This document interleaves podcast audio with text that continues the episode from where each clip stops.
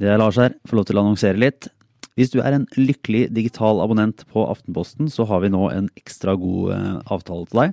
Du kan i tillegg få A-magasinet levert hjem hver fredag i papirutgaven. Og det kan du prøve i to måneder, altså åtte utgaver, for kun 99 kroner. For å få det til går du inn på ap.no slash amagtilbud. Altså ap.no slash amagtilbud. Superdeal.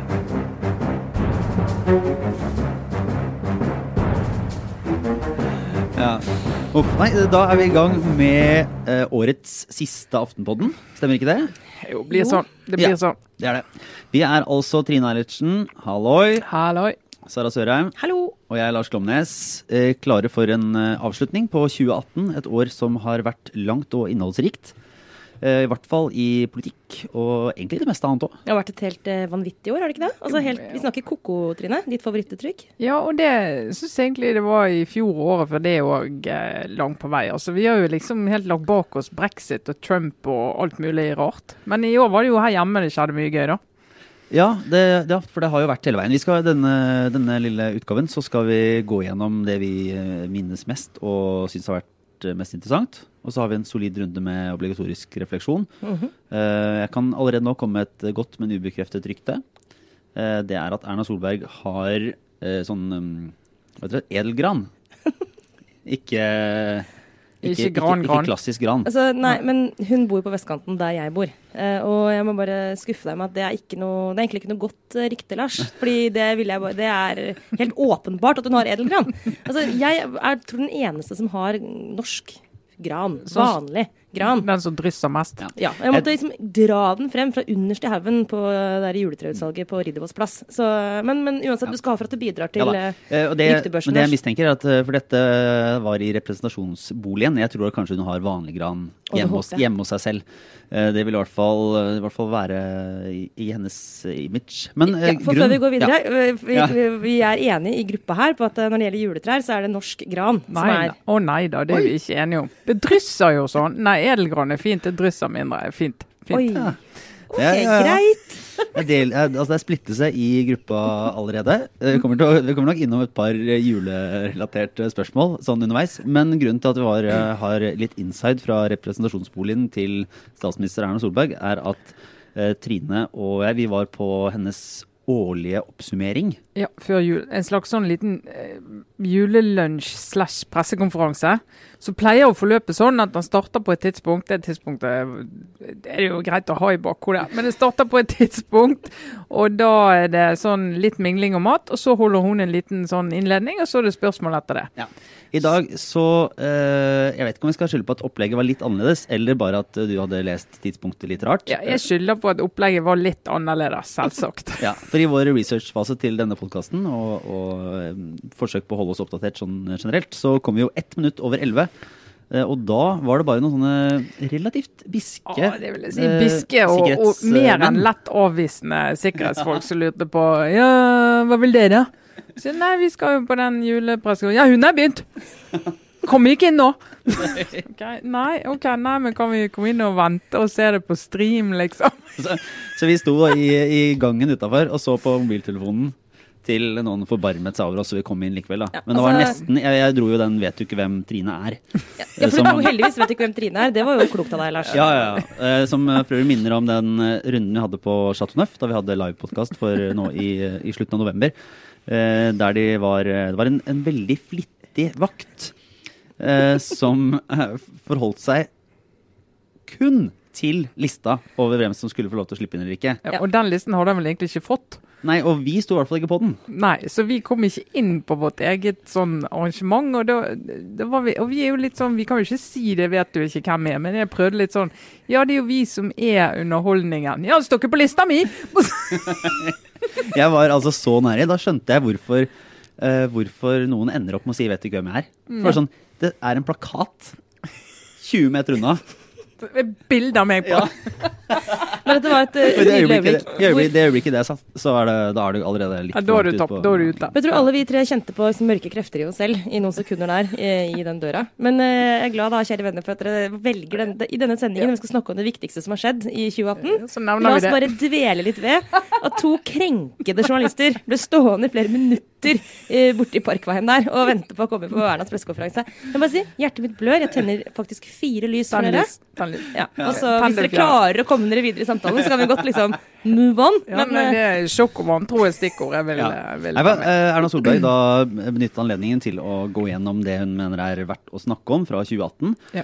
Hun eh, startet med sånn skole, skoleprat. eh, gikk gjennom litt eh, samarbeid, andre ting, men, men jeg hørtes allerede nå, tenkte jeg sånn åh, Ja, ja, Men, men jeg tror Ja. det er jo nå Erna Solberg som kan feire at, eh, at både Fremskrittspartiet og KrF nå har sagt at de vil gå til eh, forhandlinger. Eh, jeg tror hun var sånn glad og fornøyd over å ha det, så da vil hun ja, ok, litt ovenpå. Nå skal du få høre, nå skal du få et foredrag om norsk eh, skole Ja. resultatene ja. av Men- men- krav. Men det er jo, det er jo sånn om, det, det er litt morsomt i pressekonferansene på den måten at statsministeren kommer med en liste over ting som, altså politikk som er gjennomført, og noen resultater som de kan vise frem til, og, og snakker om det. Og skole er selvfølgelig veldig viktig. så Hun bruker mye tid på det, og så går gjennom en del og gi avtaler og diverse. Eh, men så er jo alltid de pressekonferansene har jo sin egen dynamikk. For det sitter jo en gjeng med journalister i salen nå. De har planlagt en sak på forhånd som de skal spørre henne om. Høydepunktet i dag var han som kom fra Manchester Uniteds eh, supporterklubbs eh, klubbavis. Som eh, spurte statsministeren om eh, Ole Gunnar Solskjær, og en del detaljer rundt det. Det brakte til allmenn munterhet, må jeg si. Og så var det spørsmål om fiskeripolitikk og ja, litt sånn diverse. Var det, noen, var det noen høydepunkter fra, fra det Solberg sa? Nei, altså det som er med Erna Solberg, og det som er litt av grunnen til at det er interessant å gå på de der, det er jo det at hun kan jo av og til bli spurt et veldig sånn tilforlatelig spørsmål. Og så starter hun svaret med å si dette, dette har jeg egentlig tenkt å kommentere. Eh, men så klarer hun Ja. aldri å la være å kommentere likevel. Så du, du vet liksom aldri hvor hun havner. Og av og til har jo de pressekonferansene også en før sommeren og en før jul.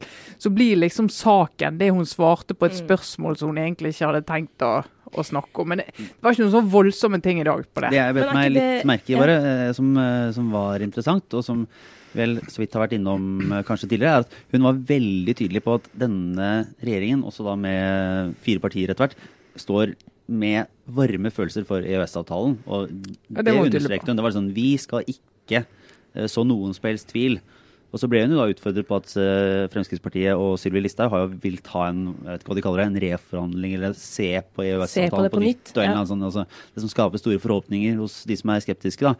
Men, eh, men hun var bare Nei, det er, det er ikke kjangs. Kan glemme til det. kan du bare bare og glemme. bygde opp en, bygde opp en, eh, en kontrast til rød-grønn side, der hun pekte at her, der går debatten, og der er det vingling, og der er det Ja, ja, og med åpenhet. LO, med LO som plutselig har åpnet for en ja. Ikke akkurat en helt ny EU-debatt, men liksom åpnet for å se ja, nettopp litt Mm. som det samme. Se på EØS på nytt. Så er det smart av henne å bare dunke på at eh, her, her er dere velger dere oss, er dere trygge, liksom. Ja, det er i hvert fall litt interessant at hun tenker at det er en, en debatt som, der Høyre vil tjene på å være helt klare og tydelige forsvarere av EØS-avtalen, og ikke åpne for noe som helst. Nei, bare si, ingen regjering som jeg leder kommer til å ta initiativ til å reforhandle EØS. Altså, ikke bare sånn vi, Dette kan vi diskutere, men dette er ikke tema. Sant? Men det er jo, vi har jo liksom vært inne på det som er fascinerende med, med Solberg som leder og som statsminister, er jo hvor øh, faktisk nesten direkte dårlig hun kan være noen ganger, Trine, i de situasjonene hvor hun får sånne spørsmål. Det kan liksom virke ganske liksom fomlete og, til, altså, og ender opp med å si ting hun ikke burde sagt. Og jeg har sett eksempler på hennes liksom, folk rundt henne, rådgivere som liksom river seg i hår, eller hvis de har hår, eh, over at hun liksom Det var ikke det du skulle si, det sto ikke på talepunktet. Hun kan miste det litt sånn på, sånn på direkten. Samtidig som hun er liksom verdens stødigste, eh, sånn, sånn overordna sett. Eh, og når du ser tilbake nå etter hvert på hennes ganske lange periode som statsminister, altså den lange linjen Hvis dette var en TV-serie, altså hennes karakters utvikling, liksom, eh, over lang tid, viser jo at hun det går kanskje ikke så fort, men hun samler og liksom plukker ned seier etter seier. Og nå er hun i ferd med å lykkes med det liksom, store prosjektet som ingen trodde hun skulle klare. Altså, det er bare så fascinerende dobbelthet i henne. Ja. Altså, så stødig på den ene siden, og så egentlig sånn litt sånn løs kanon på den andre. litt klønete av og til, ja. Mye, mye politisk drama. Foreløpig lite i sånn Erna Solbergs karakter som uh, du kan bygge en kjempespennende TV-serie rundt. Var det for kommenterende? Nei, nei, Du må i hvert fall ha et utrolig funky privatliv, og det Ja. inntrykket mitt er jo ikke at det er det. Men heldigvis så har hun jo et eh, stort og eh, mangfoldig persongalleri rundt seg, og det har jo i, i Erna Solbergs serieunivers så har jo 2018 vært en god sesong. Ja, Altså, så den sesongen vi- har vært det er min favorittsesong så langt Ja. i, denne, i denne serien. Så hvis vi bare skal tillate oss å, å, å mimre litt og gå igjen hva vi, hva vi har bitt oss merke i, så er det jo nok å ta av. For, altså, fra et år siden så var vi midt i starten og så var jeg midt i starten, var en veldig dårlig beskrivelse. men, Ved eh, starten av, ved du si. starten av metoo-rundene som for alvor rysta norsk politikk. Mm. Og det var jo, varte jo en stund. Jeg husker veldig godt denne dagen i fjor, fordi da, på denne torsdagen før jul så har Aftenposten vår i sånn interne juleavslutning. Eh, og da ble den ødelagt, eh, egentlig, av DNs publisering av den saken eh, hvor de eh, fortalte at eh, Trond Giske hadde blitt kalt inn til Jonas Gahr Støre, altså kalt inn på teppet, i forbindelse med da disse så, eh, påståtte, som det var den gangen, historiene om at han skulle ha bedrevet seksuell trakassering. Før det så hadde DN skrevet to saker, tror jeg, som var med anonyme kilder, som vi i Aftenposten ikke Vi siterte ikke dem, for vi, vi, vi siterer ikke nødvendigvis andre avisers anonyme kilder, sant? Men bang! Den kvelden eller ettermiddagen kom en sak hvor også Jonas eh, kommenterte det for første gang, og saken med det tok et skritt eh, ut i, i den store offentligheten, og vi gikk jo inn i det også da eh, fra Aftenposten sin side. Vi hadde jo jobbet med det selvfølgelig en periode, vi òg, som alle andre. Men da liksom, da var det alle mann til øsene. Så det, det var den juleavslutningen. Eh, bare for å forlenge denne krenkede journalister-tråden vi har vært inne på. Men det var, eh, det var Lars, eh, da, eh, den dagen egentlig da metoo for alvor ble en del av norsk politikk. Eh, og så gikk det jo etter hvert over også, hvor det ble flere partier. Og det er vel dit du skal, kanskje. For også Ja, Erna Solberg måtte jo håndtere Måtte håndtere det, ja. Vi trenger ikke å ta alle detaljene i løpet, men er interessert hvis en ser tilbake på 2018, er det, er det det året der alt ble endret av metoo-kampanjen, eller er det der man eh, var opptatt av det en vår, og så ble folk lei, og så er det egentlig tilbake? Hvis jeg tar en, Ja, men- Ja, nei, Det er jo det alle sa da det sto på, altså høsten 2017, da metoo liksom ble til, eh, og det var på det mest intense. Så snakket jo, eh, snakket jo allerede den gangen om at konsekvensen av dette, det vet vi egentlig ikke ennå. Og eh, metoo er en kultur, eller et forsøk på en kulturendring, og det skjer ikke over natta. Så det vil først være om en god stund at vi vil kunne se om dette ble noe mer enn et blaff. Nå har det gått liksom, et drøyt år, og det begynner kanskje å tegne seg et bilde. og Det man kan si i hvert fall så langt, er at Um, det er ikke godt å si, uh, fortsatt ikke godt å si om, om metoo virkelig, virkelig, virkelig endret noe sånn kjempestort, men det er en del saker rundt oss som nok ikke ville vært der hadde det ikke vært for metoo. Og saker som ikke nødvendigvis handler direkte om seksuell trakassering heller. Men den jeg tenker mest på, egentlig, er uh, hele historien om Svenske Akademien.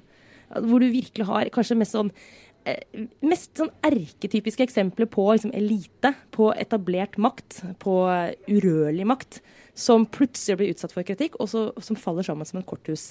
Altså Svenske Akademien som gikk fra å være liksom, det ypperste til å bli i dag en slagmark, hvor det med seksuell trakassering er en liten bit.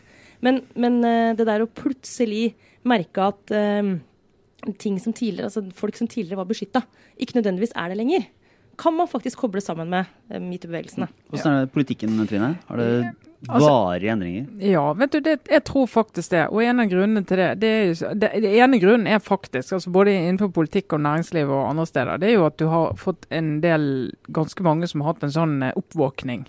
Eh, mange menn jeg har snakket med, og så kvinner selvfølgelig, som er litt sånn Å, herlighet, det har dette har jeg liksom tatt for lett på. Dette har jeg ikke vært nok opptatt av. Men så har en sånn genuin sånn Dette må jeg være opptatt av ut fra sånn medmenneskelig hensyn, blant annet.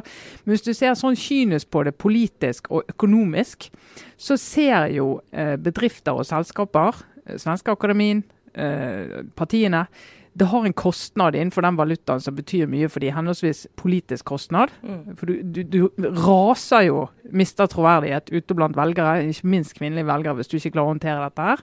Og det andre, innenfor en bedrift, så kan du, hvis du har en sånn råtten kultur på det, og det begynner virkelig å noen nappe teppet under sentrale personer i en bedrift, så koster det masse. Det kan til og med påvirke børskurser, hvis du virkelig skal gå helt den veien der. Og organisasjoner som Svenske Akademien. For det er jo et symptom på at resten av kulturen ikke er frisk Mm. òg, sant. Så når du da begynner å møte motgang, så har du ingenting å stå imot med. For du har ikke noe, noe, noe ordentlig kultur, noe ordentlig organisasjon som kan stå Mm. imot det. Og da rakner det helt. Så jeg tror den bevisstheten rundt at dette er et symptom på at noe alvorlig sykt i Mm. vår organisasjon, den er mye sterkere enn den var for et år siden. Ja, og at du ikke lenger på samme måte kan regne med å komme unna. Altså, det har jo vært en sånn, det er noen ting som du, Hvis du blir tatt for det, så vet du at da er jeg ferdig.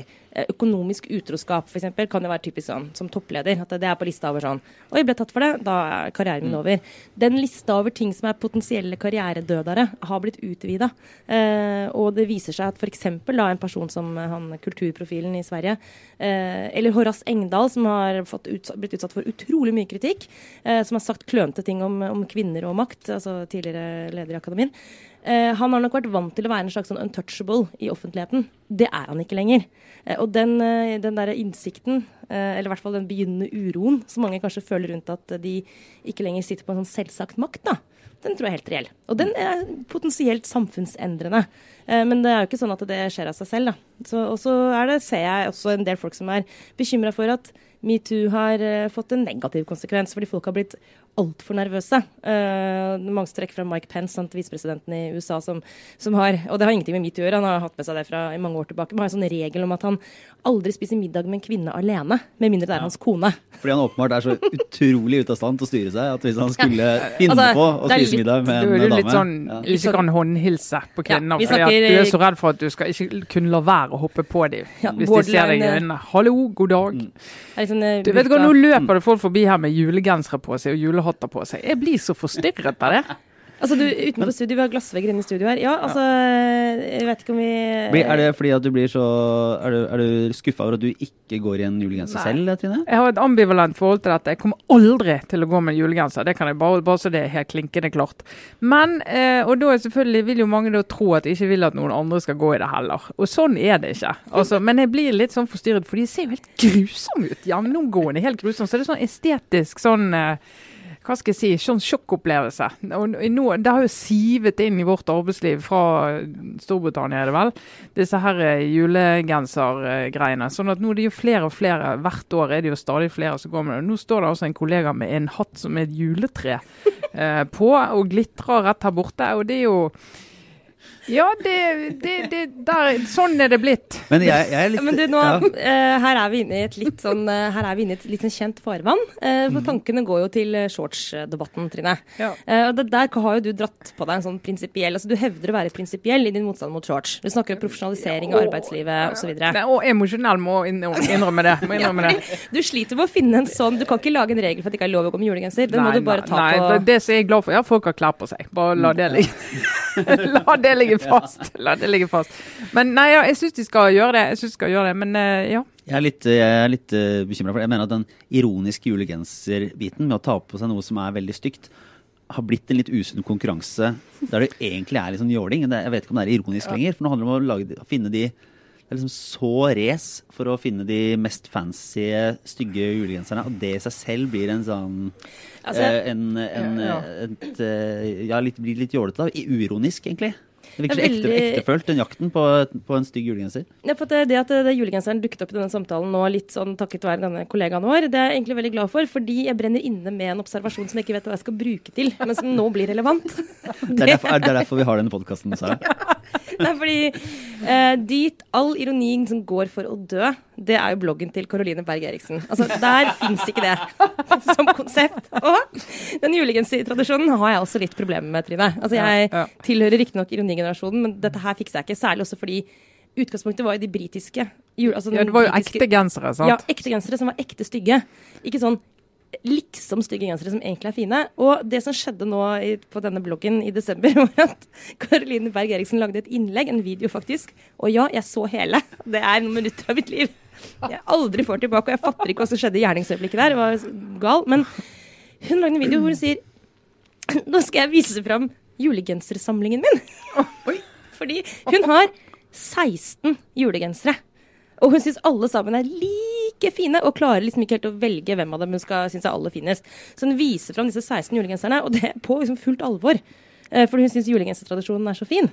Og da tenker jeg sånn, da er all ironi med dette borte, og det betyr at nå må den tradisjonen dø. Den er ferdig, den er over. Bli kvitt det. Brenn de opp. Det tar veldig kort tid. Altså, det er bare å være i nærheten av en fyrstikk, så er den akryl... Ja, de er jo selvantennlige. Det er jo Så mitt forslag er at nå, nå sier vi det var gøy så lenge det varte. Uh, nå er vi ferdig med det. Finn på noe annet. Eh, ja, det Hvor var vi egentlig? Ja, hvor var vi? Nei, nei, bare, eh, bare den eh, andre, av andre vinneverdige saker fra 2018 som vi ikke kommer til å, å kunne mm, bli ferdig med. Så var det den en Vi skal ikke gå for dy- dypt inn i den, men altså Sylvi Listhaug Ja. måtte gå av. Tillot seg å være for krass på Facebook. Ja. Men uh, spørsmålet sånn i etterkant som jeg lurer på nå, er om hun var det, var det begynnelsen på slutten for Sylvi Listhaug, eller var det begynnelsen på oppstandelsen og liksom den ikonet på, utenfor regjering og, og høyresidens Og så var det en slags gjenfødelse av Ja. Sylvi Listhaug vi så i Ja, altså, 2018. er det, er det, står hun sterkere nå enn det hun gjorde? Altså, hun begrunnet sin avgang, som hun understreket var frivillig. Så det har selvfølgelig vært et visst press når du vet at hvis du ikke går av, så går hele regjeringen av. Det er klart det, det legger litt press på deg. Eh, Men hun understreket at det var frivillig, og at hovedforklaringen til at hun tok det valget, at hun ville være seg selv. Hun ville ikke være inne i denne trange boksen, denne her eh, meningskorridoren som det er å være statsråd. Du, altså du er statsråd må forsvare regjeringens politikk, er du kan liksom ikke drive med egne utspill. altså Det er jo alt mulig. Det, det, er, jo, det er jo en lidelse. Så det går jo an å forstå. straff. Ja. Ja, så det går an å forstå. Så da skulle hun ut og skulle hun være seg selv, og det er hun jo. Det har hun jo nå fått en plattform for å være. Hadde hun bare vært eh, på Stortinget, så tror jeg ikke hun hadde syntes det var så gøy å være seg selv, for det er få som har lagt merke til det.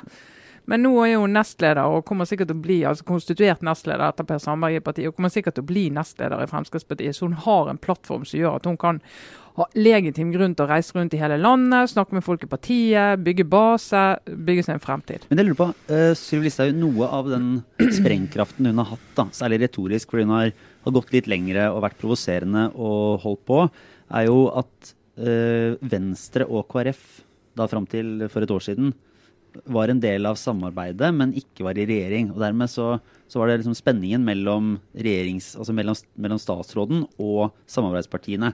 Og reaksjonene fra KrF og reaksjonene fra Venstre. Jeg lurer på nå, hvis det blir en firepartiregjering, om hun vil ha samme effekt når det faktisk er opposisjonen som skal stå og protestere.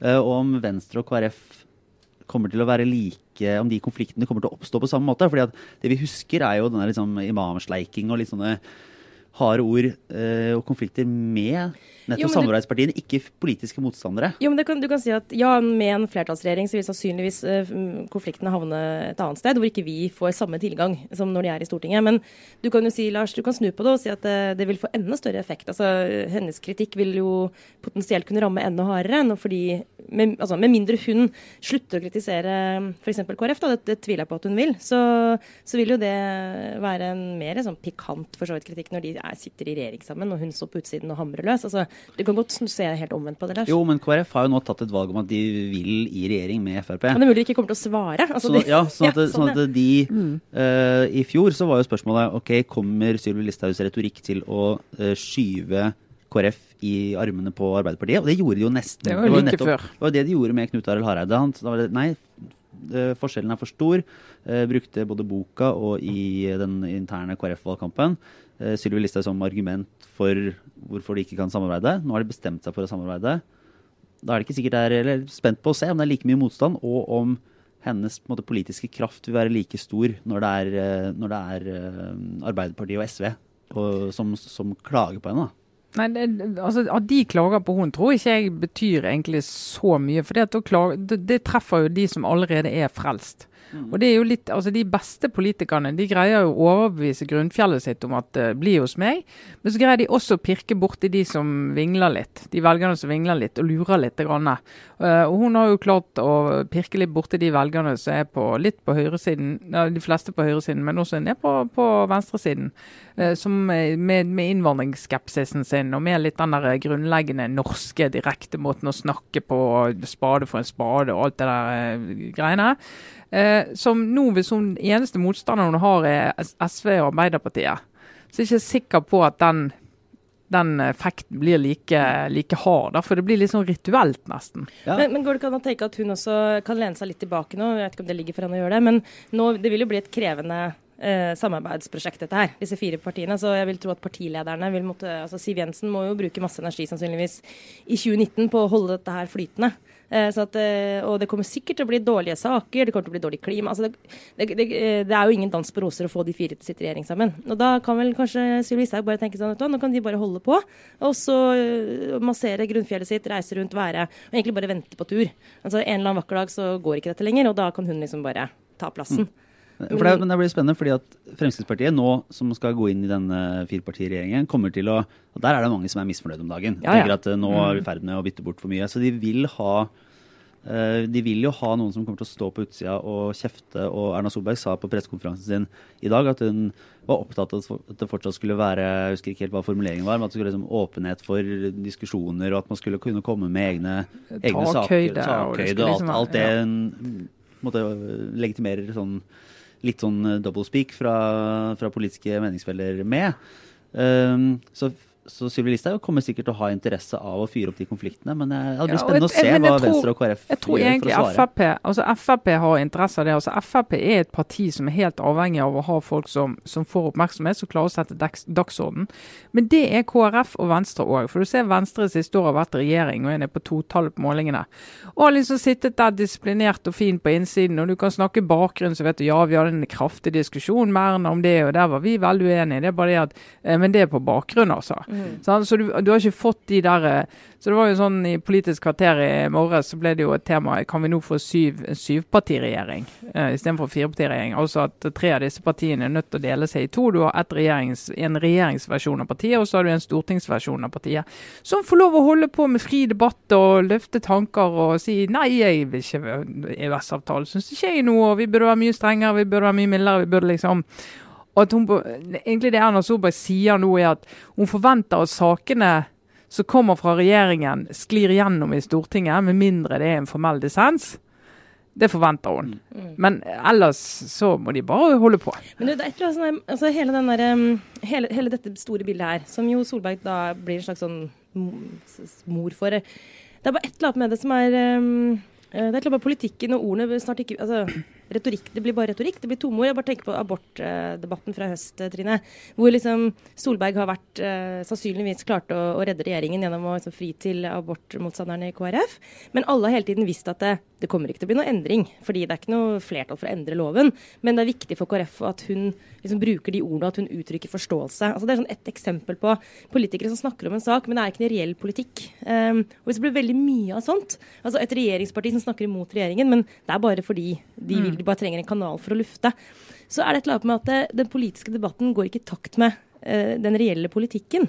Skjønner du hva jeg mener? Ja, det, ja, jeg jeg, det svekker jo hele liksom, grunnlaget for Jeg tenker sånn at det er sånn potensielt liksom, tillits...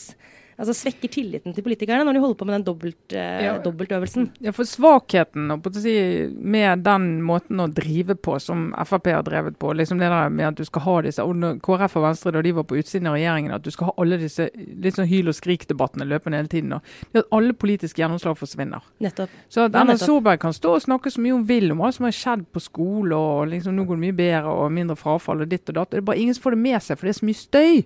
Og hvis du skal åpne for at tre partier skal få lov å støye så mye du vil, så er det det det kommer til å handle om. Det kommer ikke til å handle om politisk gjennomslag. Så når vi kommer til valget i 2021, så alle som tenker ja, hva, hva skjedde? Ja. Men det kan jo være eh, mange store saker i 2018. Eh, men tross alt, det er bare én. Ja, altså, glem alt annet. Ja, ja, ja. Fordi du kunne, kunne forutsett at Sylvi Listhaug måtte gå av fordi hun sa noe dumt. Kunne forutsett at, eh, at, kunne forutse at eh, KrF kom til å ha en opprivende debatt.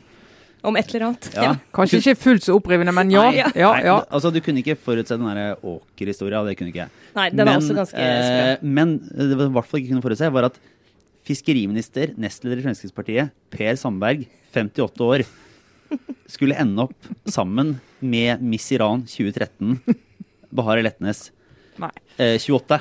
Eh, nei. Reise, reise til Iran eh, for å så skryte av hvor fint det er i landet.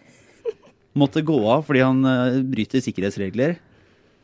Og så skriver de bok sammen, og nå skal han det, eksportere bi vinterdekk, Vinterdekk. Eller, eller fisk eller fiskekaker eller et eller annet sånt til Iran. Det er, altså, det er, det er så vilt.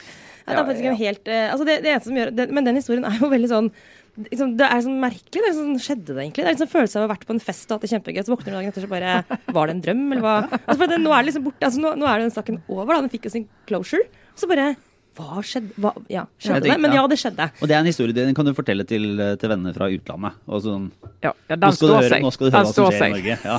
Det var den derre KRF, uh, very small party, divided in two, and the yellow side as well. Ja, det, Og vi streamet hvert eneste fylkesårsmøte. Men, Det- men, det smart. Sandberg er på en måte Det er jo, eh, Hvis du skal velge å se det på den måten, da. Hvis vi er tilbake til liksom, TV-serieuniverset. Altså, jeg ville jeg ville heller sett serien om Bahare og, og Per enn eh, dramaserien om KrF. Tross alt, liksom. Fordi du har en sånn menneske, menneskelig dimensjon der. Altså, han kastet alt for kjærligheten. Han lot alt gå fare for å være sammen med sin Bahare. Herregud, for et rim. Ja. Dette her er Nytt på nytt. Uh, oh, ja, ja, ja. Din far er poet, det hører jeg. Det, ja, nei, men han det er jo veldig mot rim. Altså, jeg vokste opp på liksom, rim. Var jo. Verseføtter forsvinner. Vers, vers og rim, det er for en klisjé. Ja, men Ja, uansett, det- det det, er er modernistisk, modernistisk poesi. Men uansett, um, han er jo muligens også, når vi snakket om sånn Er Sylvi, Listhaug, er hun Er vi på begynnelsen på slutten eller slutten på begynnelsen? Hvor er vi i hennes historie? Så Per Sandberg, er han for godt ut av norsk politikk nå? Eller han er Hvor skadet ble han av den historien, Trine? Ja, altså Han er jo helt ute av verv. Men det som er, er at han er jo helt ute av Stortinget. sant? Jo, men kan han noensinne har- komme tilbake? Jeg skal ikke si aldri si aldri, men jeg syns det virker lite sannsynlig. Men bortsett fra hvis han virkelig savner seg sjøl, og det er jo en, en trend. At du savner deg sjøl. Hvis du er glad i oppmerksomhet, har fått mye oppmerksomhet og vært utenfor det en stund, så kan du tenke men da må det være et helt annet fylkeslag, og du må liksom begynne helt på nytt igjen. Jeg vet ikke. Pluss at av og til avgåtte politikere kan bli hentet inn igjen som statsråd, men kanskje ikke når de har måttet gå som statsråd. Da, jeg, jeg kommer ikke i farten på et eksempel eh, på det, vel. Eller jo, det gjør jeg faktisk. Ja, Nei, glem det. Nei, Nei, det, er, det er vanskelig å si. Men det er, egentlig, det er jo ikke en sånn historie som har fått sånn veldig store politiske konsekvenser i ettertid, eller sånn ringvirkninger eller, eller slikt. Nei. Men som en ren Nå skal du høre hva som har skjedd i 2018. Ja, det det, hører jo med, det hører jo med. Men den store underliggende saken, vi har jo så vidt vært inne på det. Og det, Sånn er det jo ofte med, med sånn nyhetsår. At du kan liksom ha sånne hendelser som er veldig spektakulære. så liksom, du skal se på den store sånn underliggende trenden, eller sånn megasaken, da, så er det jo det at vi har gått fra at det var utenkelig med en flertallsregjering i Norge for ett år siden, Mm. mens nå står vi rett foran at det faktisk det er det vi får. Og det som har skjedd i den prosessen med at Venstre skled inn, og så kommer Jeg vil ikke si at KrF skled inn. De har jo virkelig bare ja, det er en veldig vid definisjon av skli. Der eh, har det vært Sjanger. Nei, jeg eh, helt, også helt historisk politisk prosess, og du også når du er ferdig med det, tenker skjedde det? sant? Du bare, Det er ikke til å tro at det skjedde. Mens nå står vi her. Og det er jo en sånn De, de går jo inn i en flertallsregjering av nød. Mer Mm. enn av entusiasme. Litt fordi at Ja, men hva annet skal vi gjøre, da? Det er litt sånn eh, overbygning på det. sant? Siste forsøk. Ja, nå må, sånn- vi, må vi se. Vi, dette, vi fikk ikke til det med samarbeidsavtale. Vi fikk ikke det med å være i opposisjon eh, på ordentlig, men ha sånn budsjettsamarbeid. Vi prøver dette. Men eh, for å trekke en eh, linje her, hva var det som gjorde at vi for et år siden, kanskje ikke akkurat et år siden, men, men litt før det, sa at bare nei, den Erna Solbergs store drøm om fire, fire partier i regjering og, og borgerlig flertall, det tror, vel, altså det tror veldig få på. Hva var det som gjorde at, at det ikke var en sannsynlig hypotese? En av de viktigste tingene var jo at både Venstre og KrF gikk jo til valg på at det ikke skulle skje. Ja, Sånn at du si trodde jo Du tenkte jo at ja, ja, men da, da blir det vel ikke det, da. Eh, Ref det jeg sa i stad med eh, norsk politikk har vært preget av en sånn liksom litt for stor avstand mellom ord og handlinger. For ja, det var jo to, to av fire partier sa det er helt uaktuelt. Så hvis du skulle si ok, da er det, da er det uaktuelt, da. Fint, da blir ikke det noe av. ja, det var liksom, og det var jo i 2013. Sånn, så gikk de jo til valg og sa at det var lite sannsynlig. Det var litt sånne begreper de brukte som gjorde at de, de formulerte seg på en sånn måte at de åpnet for at det selvfølgelig kunne skje, så ikke noen skulle slå dem i hjel hvis det skjedde. Men de trodde ikke det skulle skje. Det skjedde ikke. Eh, og den gangen der så var det jo faktisk de som var i Nydal, sier jo, at egentlig rundt bordet der, så var de klar. Det var liksom baklandet som ikke var klar da, i, i særlig Venstre. Uh, mens nå så har det jo liksom vært retorikken i de fire årene, de første fire årene var jo at den politiske avstanden er for stor, den er for stor, den er for stor. Og etter Sylvi Listhaug kom til, så er den politiske avstanden blitt større. Det har vært hovedbildet. Og Sylvi Listhaug kom, forsvant, uh, og men den politiske avstanden fremdeles stor, har jo vært retorikken. Men så nå går vi sammen. Når den politiske avstanden er større enn noen gang. Mm. Så det er, jo, eh, det er jo fascinerende å se hvordan tiden på en måte kverner partiene inn sånn. Og det er jo det Erna Solberg da Jeg vet ikke om hun har tenkt at dette kom til å skje. Jeg vet Hun må jo ha vært usikker, hun òg, underveis. Men at hun har tenkt at OK, bare de kommer til å skjønne at det er der de må en dag. Ja. Men det er jo litt sånn push- og, eller pull-effekter her. Altså, du var inne på det, Trine. Altså, av nød, ikke nødvendigvis av entusiasme, så måtte det plutselig bli sånn for alle fire. Eh, og særlig for KrF, da. Men det er jo interessant da når vi skal se tilbake på året, fordi ja, nå skjer det. Eh, hennes drøm går i oppfyllelse. Hun kommer til å bli stående da, som var inne på i stad, som en av de aller aller største statslederne i, i Norge noensinne. liksom, På linje med Gro og Gerhardsen og Jens, i hvert fall. Um, sikkert. Litt usikker på det med Gerhardsen, egentlig. Men uh, uansett. Ja, jeg var så var jeg så spent på hva som var, var, var ja, ja. Jeg, bare, jeg bare dro på noen navn jeg, så jeg kom på i farta. Ok, vil du si, La oss se bare, i, I hvert fall på borgerlig side. Uansett, da. Hun ville bli stående ensom, men en eh, hun, er, hun, hun fikk det til, da. Får vi tro. Det er jo fortsatt det er jo, Men altså, ja, nå er det grunn til å tro at det gikk. Det kunne jo gått helt annerledes. Altså, I løpet av dette året så har hun vært, eh, aldri vært nærmere å måtte gå av heller. Nei. Så sånn kontra faktisk så er det helt uh, Altså, hun landet på den siden. Kunne like så godt, i hvert fall. Altså, hvor mange ganger har Erna nesten, eller har Solberg-regjeringen nesten måttet gå? Det er i hvert fall, hvert fall tre ganger. Ikke sant? Vi har Listhaug. Det var- ja, det var, veldig- Eh, og så har vi selvfølgelig nå med, åpenbart med KrF, altså sidevalget. Men det var jo objektsikringssaken. Der var Ja, det også men- sto litt og vippa. Ja da, kunne blitt. Men der, og der var jo KrF som avgjorde det. eh, på en måte. Det går jo ikke an å vite hva de hadde Grøv, Men der drev jo Grøvan sin egen, ja. egen Tror, tror jeg, er det, er historie. det en, eh, hvor stor fordel er det for, eh, for, eh, egentlig for regjeringen nå at Fremskrittspartiet har, har brent gjennom flere av de mest kontroversielle? Nå har de gitt sjansen til Per Sandberg, Per Per-Willy Amundsen. Anders Anundsen, Sylvi Listhaug. Ja. Uh, er det måtte, Ja, det er Tybring-Gjedde og, og Carl I. Hagen, da.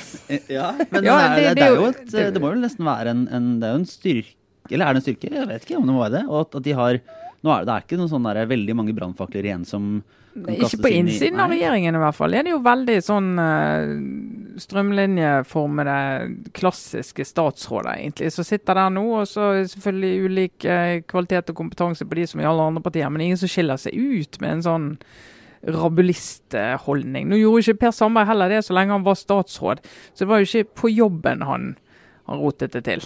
Det var Nei. jo Det var litt sånn utenfor jobben, da. Men, eh, men det er jo det er for, for øvrig interessant å se nå på den der eh, rekrutteringen i Frp. Det er en del ordentlig flinke talenter da, som har møtt eh, i det siste. Så der er folk på vei opp. Men de også er jo veldig lik vanlige politikere, altså. Mm. Men eh, vi vil jo da, da får vi se når vi kommer tilbake igjen på nyåret, så starte altså med regjeringsforhandlinger, så blir det ny regjeringskabal. Eh, og da må jo de, de som sitter her nå gi fra seg noen poster. og Det er jo i hvert fall tre det er, vel, er det ikke sånn at alle partier får tre statsråder uansett hvor små de er? Er ikke det liksom kutyme for det i en regjering? Jeg tror de regner med å få tre, ja. Ja. Og Så så kan det de jo da enten dele opp noe departement, eller hva det er, men Høyre typisk da vil gitt fra til C2 og Frp igjen.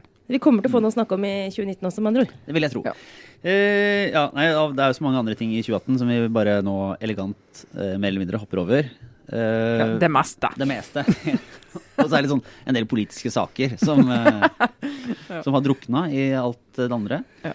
Men eh, vi har, har vi noe obligatorisk refleksjon? Eller først, før vi går inn i det, så kan jeg si at vi i dag eh, nå slipper billetter til vårt nye lille aprilprosjekt. Ja. Fordi vi skal ha Vi velger oss april.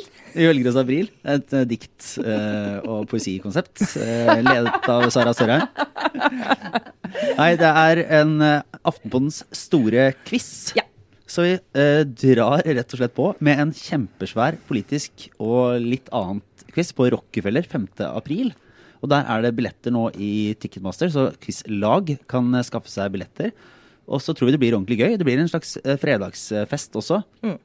Det blir mest gøy. Eller det er bare gøy, egentlig. Vi Ja, ja, gjør det fordi det er gøy. eh, Og så eh, skal vi jo finne på noen spørsmål da, Lars. Ja, Det ja, vi noen kule spørsmål. Ja. Ja. Så det gleder vi oss til. Eh, Det skal være billetter ute nå, så der kan man eh, ordne. Og så er det litt eh, obligatorisk refleksjon inn i julehøytiden, da. Hvordan går Ja. det, Eilertsen? Nei, altså, jeg har bitt meg merke i at eh, statsministeren er bekymret for at vi føder for få barn her i landet. Eh, og lot seg intervjue av Dagens Næringsliv og snakket om at eh, noe av det viktigste vi skal jobbe med fremover, det er familiepolitikk. Eh, Men er det et hemmelig kodeord for sex? Eller eh, ja, altså, mener dyp, Dypest sett er det jo det. Selv om vi er jo i 2018, så er jo mange trenger ikke ha sex for å få barn i 2018. Det er Men, faktisk helt riktig. Og i, og i, eh, i KrF så er det et, altså bare et, et kodeord for overføringer og støtte til småbarnsfamilier. Da. Ja. Det er et vidt begrep. Ja. Det er Småbarnfamiliesubsidier. Ja, nei, eh, så hun er bekymret for det, for det, det er jo dette regnestykket, da. Hvor mange unge eller yrkesaktive er det som skal bære disse pensjonistene fremover? Vi trenger en, i hvert fall en halv til per kvinne, da. Eh, For at dette skal gå opp, hvis ikke vi klarer å løse en del andre problemer. Og så er det en halv unge til. Vi må føde en halv, eller en, en halv unge til. Hvis Ja. vi føder én sammen. sammen, Sara, så, så, så er mye gjort. Kanskje ikke en unge Norge vil ha, jeg vet ikke. Ja. Nei, eh, så da, og da begynner det jo begynner det med en gang å diskutere. og Hun er jo veldig nøye på å si at hun skal ikke liksom mene noe om hvorfor folk ikke får barn, men du må liksom prøve å undersøke om det finnes grunner til det som politikken kan gjøre noe med. Og det er jo type sånn billige barnehageplasser, permisjoner, kan du gjøre noe med studentfinansiering som gjør at det er mulig å lettere å få barn når du er student og sånne ting. Men jeg må jo si for min egen del, jeg har to barn, og jeg tok en liten meningsmåling i mitt nærmiljø her eh, for noen dager siden og spurte hvorfor folk ikke har mer enn flere barn enn de har. Ene var at jeg har jo gode kilder som har snakket med og sagt barn nummer tre må du aldri få. Det er så stress. Det er akkurat når du tror du har fått kontroll på ting, og så kommer den tredje ungen og rakner alt. Den såkalte skilsmissebabyen. skilsmissebyggende barnet.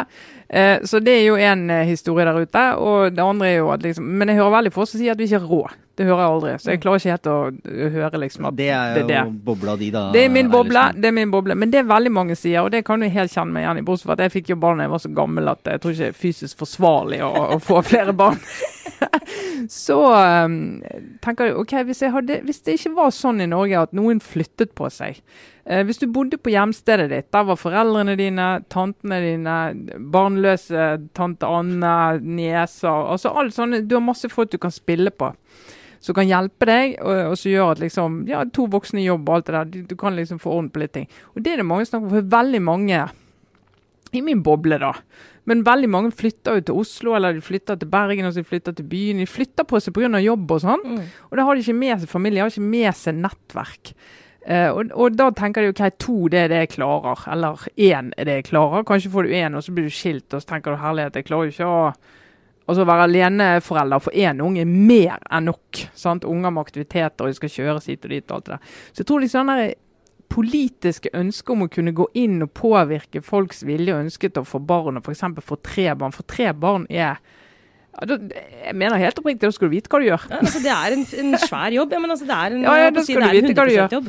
Og, da er du, og det er en del som vet at de har liksom rigget og et arbeidsliv og alt det der som gjør at det er easy-peasy. Men for mange, andre, for mange så oppleves det som Lars, hvor mange barn skal du ha? Det var det jeg, jeg satt og regna på nå, da. For å ta ansvar for eh, Norges befolkning. For hvis dere da gir dere på to hver Ja, men eh, det går jo akkurat, faktisk.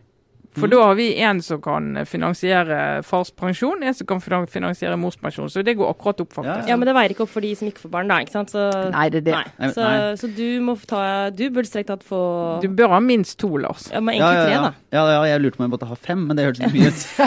Og så tenkte jeg at vi trenger Nei, for vi kan jo når det faktisk slås sammen, så kan man jo regne desimaler, og da er det bare, da er det bare tre. Men Ja. da, jeg må stå på da òg, så det, vi får nå se. Ja, ja, ja. Nei, men også- jeg ja.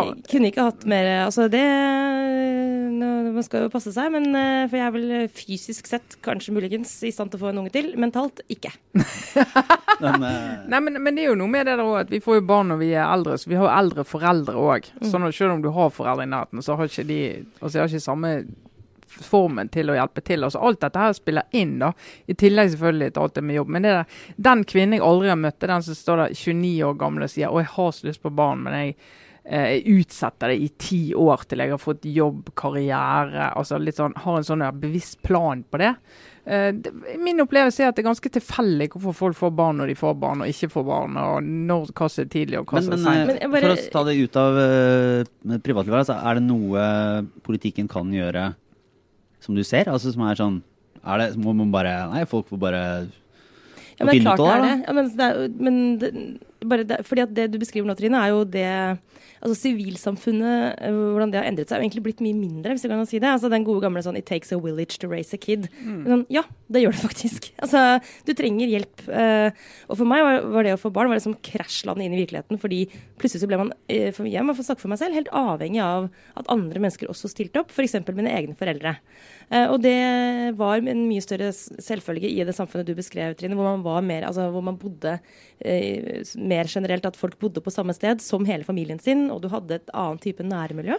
Eh, og den derre altså Når sivilsamfunnet blir mindre, så er jo liksom det off, hva heter det motsatte til sivilsamfunnet, altså staten, eh, kommer jo inn og tar over en del av eh, de oppgavene, f.eks. barnepass. ikke sant? Og Da er det jo åpenbart ja, da er det full barnehagedekning. Skal demme opp for at ikke lenger vi som er småbarnsforeldre, har mødre eh, som, er, som kan passe barna våre. sant?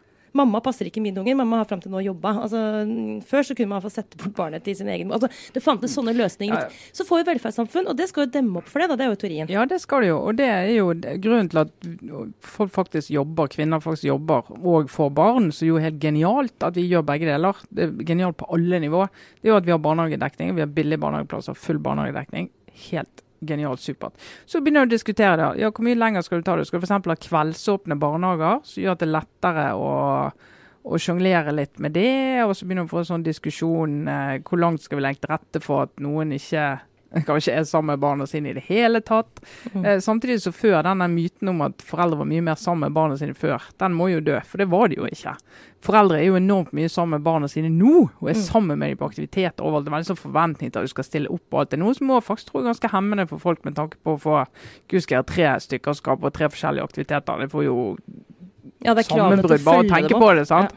Ja. Men, også, men jeg tror jo f.eks. en sånn ting med at du gjør lettere å få barn i studietiden. Det tror jeg på. Det gjør jo det. Det finnes jo de som finner den de skal leve livet med når de er i 20-årene.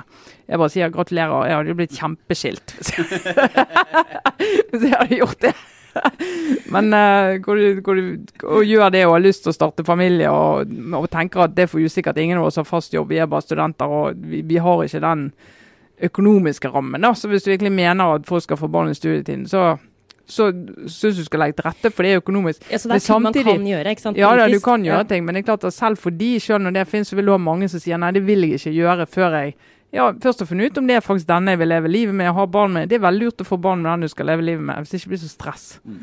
Men, men poenget ditt er kanskje også at liksom, Og det egentlig bringer meg over til min uh, OL denne uka, litt sånn tilfeldigvis, Trine. Fordi eh, det jeg følger deg på altså, jeg, jeg mener jo at politikere bør altså Vi må ta konsekvensen av at uh, vi ikke lenger har Altså at, at vi har Normalen nå er at begge foreldrene jobber, og det er vi helt avhengig av samfunnsøkonomisk. Og liksom, staten må ta ansvar for da å hjelpe til. Altså, det er en del av liksom, hele poenget med velferdssamfunnet. Altså, Og det gjør jo staten, ja, sant? Men jeg følger deg på at det, er liksom noen altså, Det er noen grenser for politikk. Selv jeg mener faktisk det. Altså sånn over i, i privatlivet, hvordan folk velger å leve livene sine. Man kan ikke styre liksom alt. Eh, Og familiepolitikk er sånn klassisk sånn felt hvor det liksom, hvor de gren man finner, møter den grensen. da. Eh, og så selv om jeg da, særlig før jeg fikk barn, men også egentlig som yrkesaktiv småbarnsmor, vil liksom insistere på at det å ha små barn ikke er et hinder. Eh, og at man mentalt må kvitte seg med den der, altså kvinner må kvitte seg med den oppfatningen om at hvis jeg blir mor, så kan jeg ikke sikte på å bli toppleder, f.eks.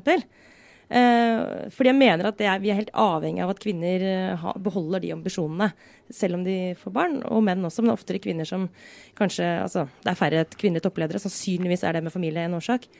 Så, men dette sier jeg, og jeg mener det. Men ehm, jeg sa i stad, å krasjlande inn i virkeligheten. Det er faktisk også sånn at det er såpass slitsomt å være småbarnsmor og far.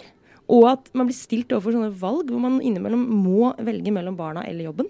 Det er helt reelt. Altså, noen kvelder så må jeg velge skal jeg være sammen med barna mine eller skal jeg gå i en sånn jobbting. Um, og da tenker jeg ja, det føles egentlig riktig å ganske ofte velge barna. Faktisk sjokkerende ofte. Mye oftere enn det jeg trodde det ville være før jeg fikk barn selv. Og da uh, bringer det meg egentlig til den konkrete artikkelen som er utgangspunktet for min refleksjon i dag. Og det er uh, den kritikken, uh, en av mange artikler som har kritisert Sheryl Sandberg. Husker dere henne? Hun er ikke sant, eh, Facebook-sjefen. Facebook-sjefen. ja. Hun skrev jo Lean inn. Og det er fem år siden, fordi da hadde jeg mammaperm med barn nummer én. Og jeg slukte den boka. Eh, den handler jo egentlig om, veldig veldig kort fortalt, at eh, det å lykkes i, med karriere som kvinne handler veldig mye om mental innstilling. Eh, det å liksom være fremoverlent, bokstavelig talt, det er der tittelen kommer fra. Og det å liksom melde seg, melde seg på. Og ikke se liksom hindringene rundt det å få omsorgsoppgaver, men å, men å bare be om at arbeidsgiver legger til rette for at du liksom skal kunne få til både Hva heter det for noe? Work-life balance. Men at liksom veldig mye handler om kvinners evne til å se forbi problemene. Vi må lære oss det, og ikke tro at karrieren er over når vi liksom får omsorgsoppgaver, da. Veldig viktig formativ bok for meg, egentlig, og for veldig, veldig mange. Nå har du lyst til å Gi henne en ørefik? Nei, nå har jeg lyst til å bare Jeg bare ble Jeg har bare lyst til å si salut, het Sima det, altså heia deg, til uh, Michelle Obama, som plutselig, sant, så dere den saken, mm. for noen uker siden tok uh, litt, litt sånn Erna Solberg-aktig ånd, faktisk. Bare kom i skade for å si noe hun egentlig ikke hadde tenkt å si, tror jeg. Men det var jo på en, et intervju i forbindelse med hennes bokturné som hun er på nå, hvor hun ble spurt om dette med leaning in og kvinner og karriere og sånn, og hvor hun bare liksom plutselig bare sa vet du hva, noen ganger så er det bare sånn at de greiene her, de virker ikke. Sometimes this shit just doesn't work. Og det var egentlig enden på denne lange visa, var at noen ganger så er det ikke nok å bare ville noe. Noen ganger er det ikke nok å bare lene seg frem og si 'jeg melder meg på', for noen ganger så går det ikke. Altså, Summen går ikke opp. Nei, det, det, som har vært litt sånn eh, konklusjonen, om du skal kalle det i kritikken nå mot den boken som flere kvinnelige skribenter i USA har uh, tatt opp, vi kan legge ut den ene teksten på Facebook som eh, vi har lest eh, fra Vox. Det er jo det at mer enn å snakke om sånn individuell kvinne om bare å lene seg frem og ta rommet og ta mulighetene og liksom karpe de hjem opp og ned og bort, så må du begynne å snakke om og det, Egentlig er det ganske grunnleggende når du kommer fra Norge, men i USA er det ikke det. Du må snakke om en politikk for å få for å skape denne muligheten for å kombinere arbeid og barn da, for kvinner. For det finnes jo egentlig ikke i USA. Den politikken finnes jo ikke. Så vi begynner å snakke om sånn, vi må faktisk gå sammen og jobbe for at alle kvinner, ikke bare jeg som individ i en gruppe, lener meg frem og griper en mulighet, men at du hever liksom gulvet for alle kvinner, så gjør det mulig å faktisk kombinere jobb og, og barna. Og Det er liksom rart når man leser den boken fra Norge og tar det liksom veldig til seg, så glemmer man litt det du er inne på nå, Trine, at det hun kjemper for, og veldig mange andre feminister i USA, med rette, er jo nettopp å få en sånn type politikk. Her har vi det jo. Så det er mulig at det liksom norske kvinner innimellom kan tenke litt sånn at vet du hva, vi trenger ikke å liksom altså Det er lov også å tenke at nå skal jeg, nå skal jeg ha en fire-fem år i mitt yrkesliv hvor jeg skal ta litt andre typer valg.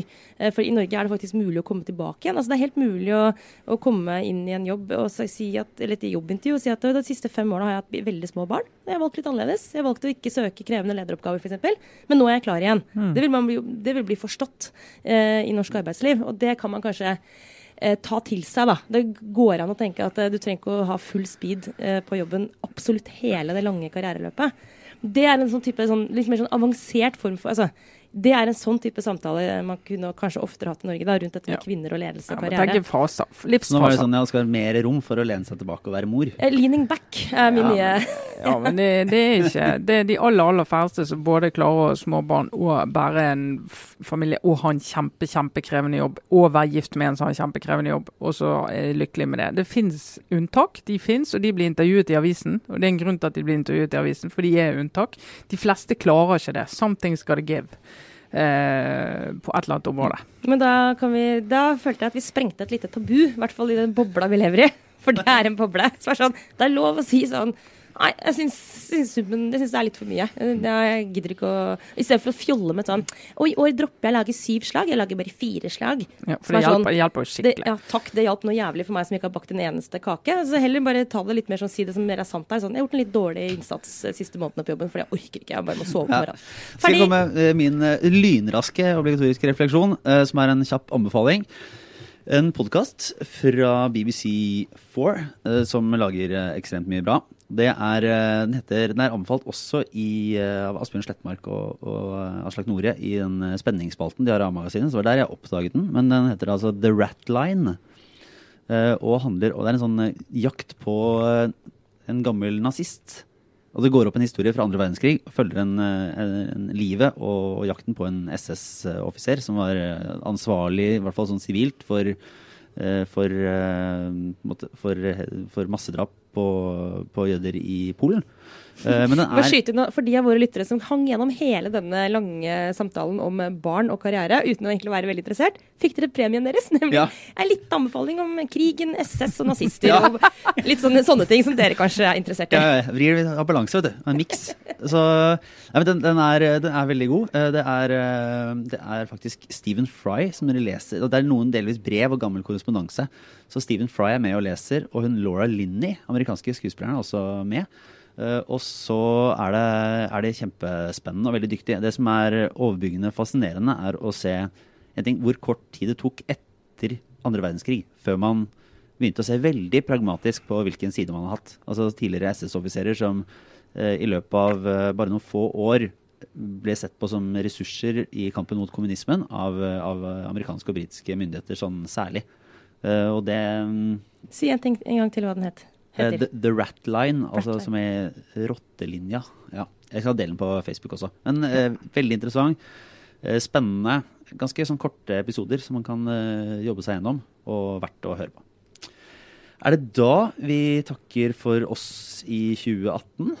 Ja, med mindre himmelen faller i hodet vårt i løpet av veldig kort tid, så er vel dette her det siste dere hører fra oss i dette året, ja? Altså, husk at det er bare god jul nå, ikke noe godt nyttår og sånt. Ikke rote det til nå. God jul. Ja, For du skal ikke si godt nyttår før Nei. etter, Vent. Etter julaften? Og da heter det gledelig jul? Nei. Gledelig, eh, gledelig jul. Da kan vi bare skyte inn det òg, at eh, det er god jul fram til uh, julaften klokken fem. Deretter er det gledelig jul. Nettopp, ja. Så er det godt nyttår 1. januar. Og så er det Fra- ta takk for det gamle. Ja. ja. Fra den ekte Det kan du si nå. Takk for det gamle. Ja, takk for det gamle, ja. Fra den ekte nazismen til den nye julefascismen. Eh, Folk som eh, står meg nær, kan bekrefte at jeg er en julenazi. Det kaller min lillesøster meg konsekvent eh, i desember måned, så det, tar den. Tar den. ja. Nei, men da takker vi for oss for 2018. Trine Eilertsen, Sara Sørheim, Ella Lars Ha det bra.